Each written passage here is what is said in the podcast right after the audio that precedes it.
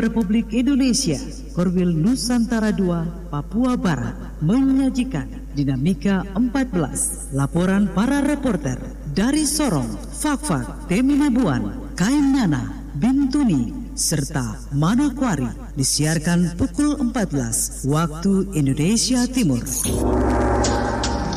Selamat siang saudara, dari Jalan Kapten Petendean 72, Radio Republik Indonesia Fakfak menyampaikan Dinamika 14 Papua Barat, edisi siang hari ini, Kamis 18 Maret 2021.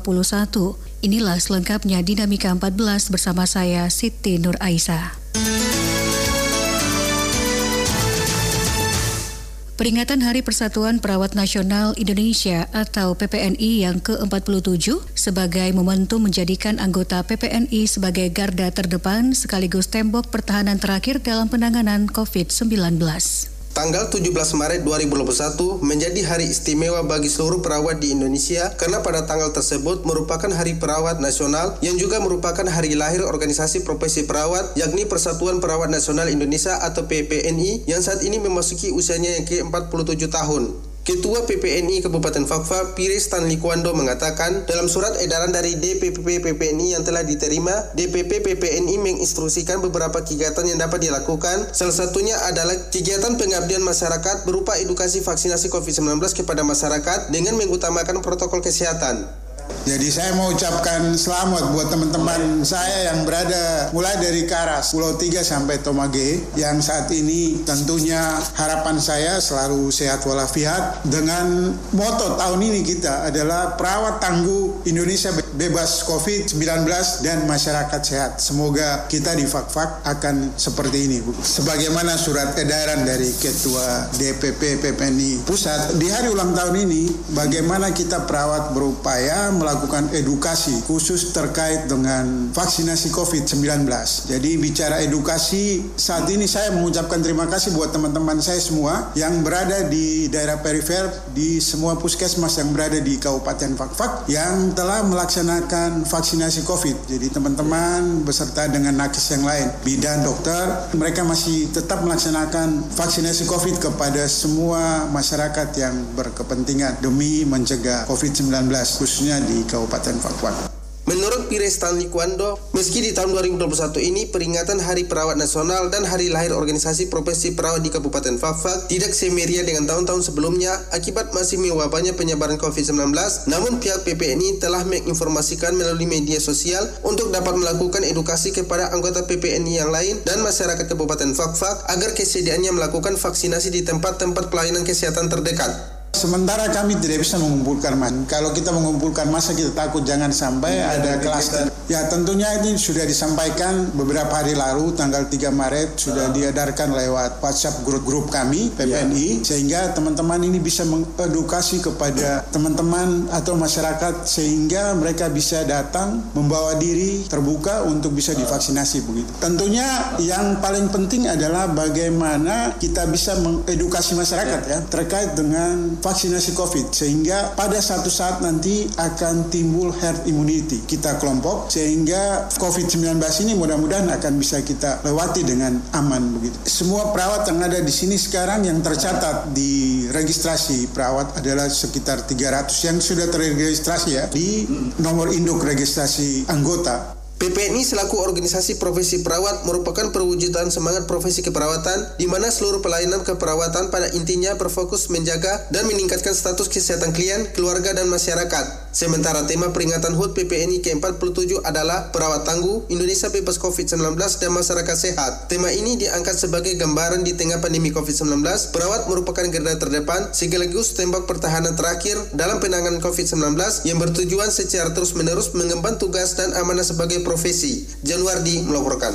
Kepala BKN RI sampaikan CPNS yang tidak disiplin bekerja melayani masyarakat tidak bisa diangkat menjadi PNS. Edi dari Stasiun Produksi RRI Teminabuan melaporkan. Kepala Badan Kepegawaian Negara Republik Indonesia BKN RI Bima Haria Wibisana menyerahkan SK CPNS Formasi 2018 PRT kenaikan pangkat periode April 2021, pensiun, karis, dan karsu di lingkungan pemerintah Kabupaten Sorong Selatan Rabu kemarin di Hotel Meratua Sesna Teminabuan. Sehubungan dengan penyerahan SK CPNS Formasi 2018, Kepala BKN RI Bima Haria Wibisana kepada wartawan menjelaskan para CPNS akan menjalani masa percobaan satu tahun sebelum menjadi PNS penuh. Selama masa percobaan ini, lanjutnya, para CPNS akan diamati dan diobservasi kinerja pengabdiannya bagi masyarakat. Untuk itu, para CPNS dihimbau supaya benar-benar disiplin dan bertanggung jawab atas tugas pelayanan bagi masyarakat, serta harus berperilaku baik sebagai seorang ASN. Sebab jika tidak, CPNS tersebut tidak bisa diterima menjadi PNS penuh. Tentu saja, sebagai CPNS harus kerja melayani masyarakat disiplin. Tidak bisa bolos, tidak bisa tidak masuk, tidak bisa tidak bekerja. Mereka harus melakukan pekerjaan-pekerjaan itu. Karena kalau tidak nanti masyarakat yang dirugikan. Ya. Jadi untuk menjadi PNS penuh, mereka akan diobservasi, dilakukan pengamatan selama satu tahun. Jadi statusnya sekarang ini adalah PNS percobaan, gitu ya. Mereka tidak memenuhi persyaratan-persyaratan yang telah ditetapkan, mereka tidak bisa diangkat sebagai sebagai PNS. Jadi tadi saya sudah sampaikan di depan, di depan Pak Bupati juga bahwa mereka harus harus disiplin, harus bekerja, harus berperilaku yang baik. Ya, jadi itu yang harus mereka lakukan dalam satu tahun. Sementara Bupati Sorong Selatan Samsudin Anggiloli dalam sambutannya mengungkapkan CPNS Formasi 2018 di lingkup pemerintah Kabupaten Sorong Selatan sebanyak 468 orang. Dirinya mengungkapkan para CPNS ini merupakan orang-orang pilihan karena proses seleksinya melalui sistem online. Sebagai orang-orang pilihan karena memiliki kemampuan saat seleksi, Sambung Samsudin harus benar-benar membuktikan dengan bertanggung jawab terhadap tugas pengabdian bagi masyarakat. Bapak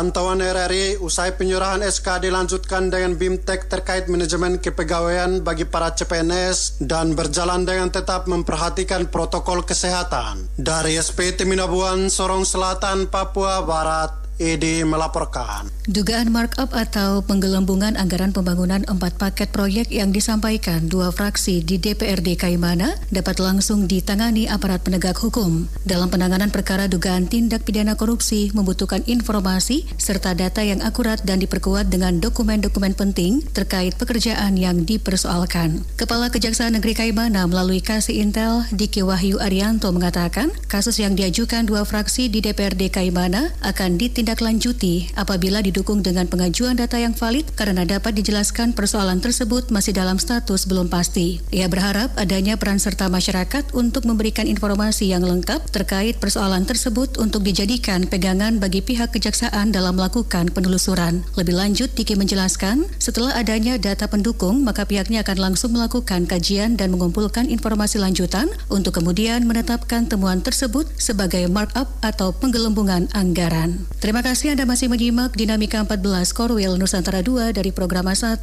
RRI Fakfak. Anda masih mendengarkan RRI Radio Tangga Bencana COVID-19. Bertempat di Aula Anton Sujarwo Polres Fakfak telah dilaksanakan vaksinasi dosis kedua bagi pelayanan publik yang dimulai oleh TNI Polri.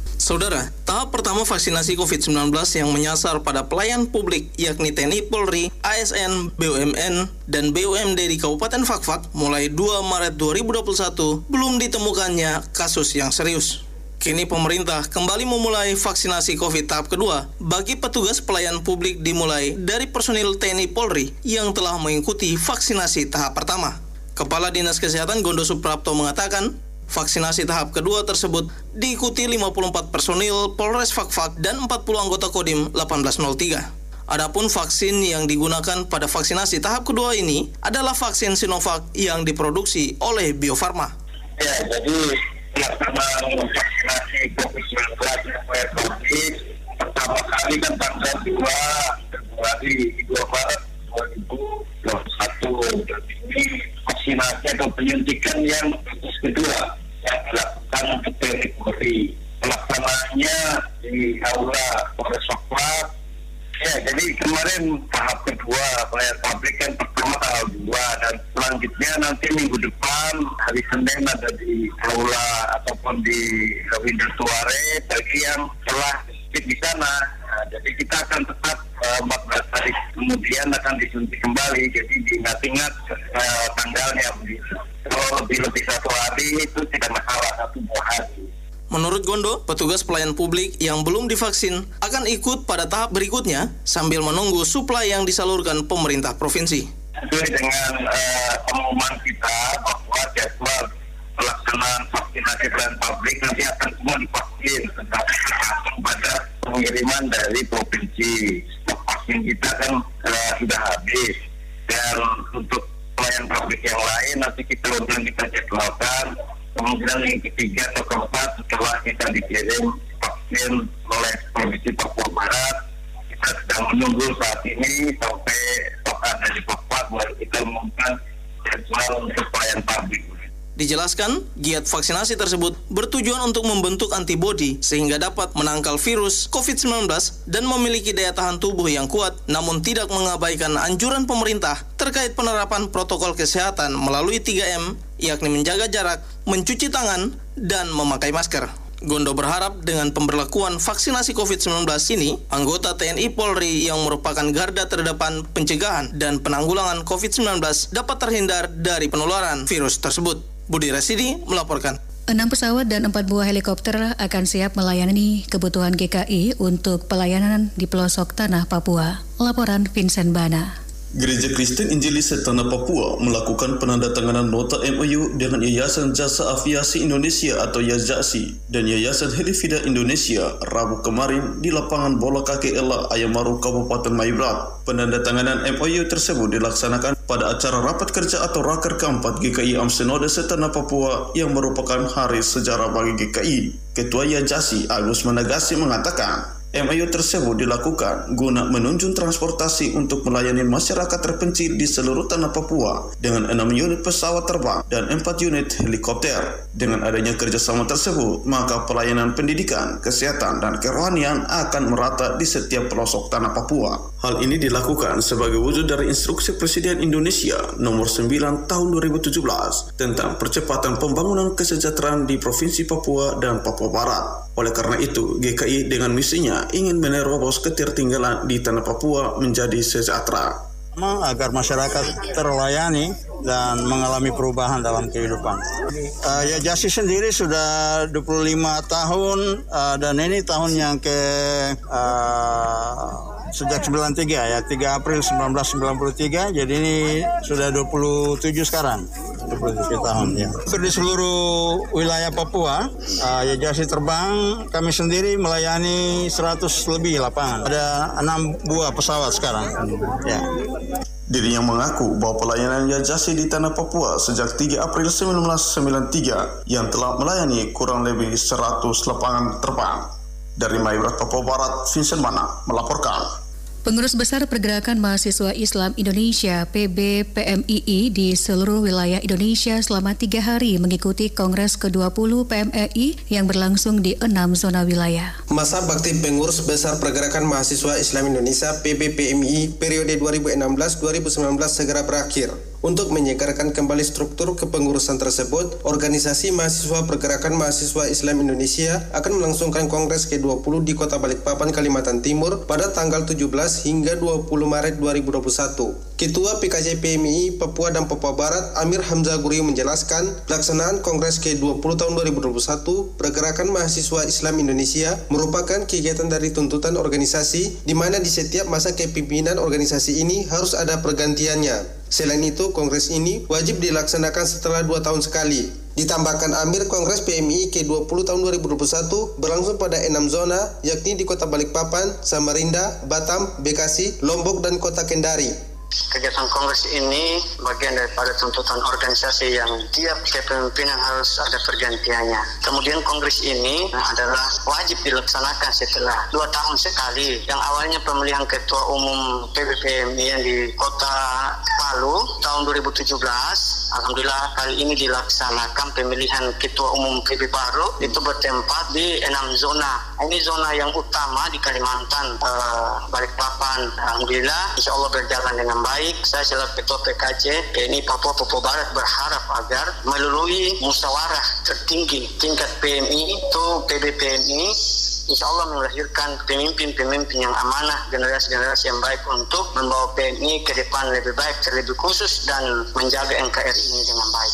Sementara selama pelaksanaan Kongres PMI berlangsung, hal-hal yang dibahas selama pelaksanaan Kongres adalah masalah keorganisasian dan membahas prinsip-prinsip dasar berorganisasi dan memperkuat peranan mahasiswa PMI untuk bangsa, negara, dan agama dilaksanakan uh, selama tiga hari itu dari tanggal 17 sampai dengan tanggal 20 Maret 2022 itu dibahas di dalam uh, rapat tersebut agenda tersebut yang pertama terkait dengan keorganisasian. Itu yang pertama uh, uh, ada empat komisi yang dibahas nanti. Itu yang pertama komisi ADART kemudian yang kedua komisi rekomendasi kemudian yang ketiga komisi Anggaran Dasar Anggaran Rumah Tangga, yang keempat Komisi Aswaja terkait dengan saat ini kita dihadapi oleh pandemi bukan khusus saja di daerah Kalimantan tetapi semua seluruh Indonesia uh, dilanda bencana terbesar adalah COVID-19 COVID-19 sehingga dibagi dalam enam zona bermaksud agar uh, dikurangi peserta. Karena kita dibatasi oleh kerumunan sehingga dibagi dalam enam uh, zona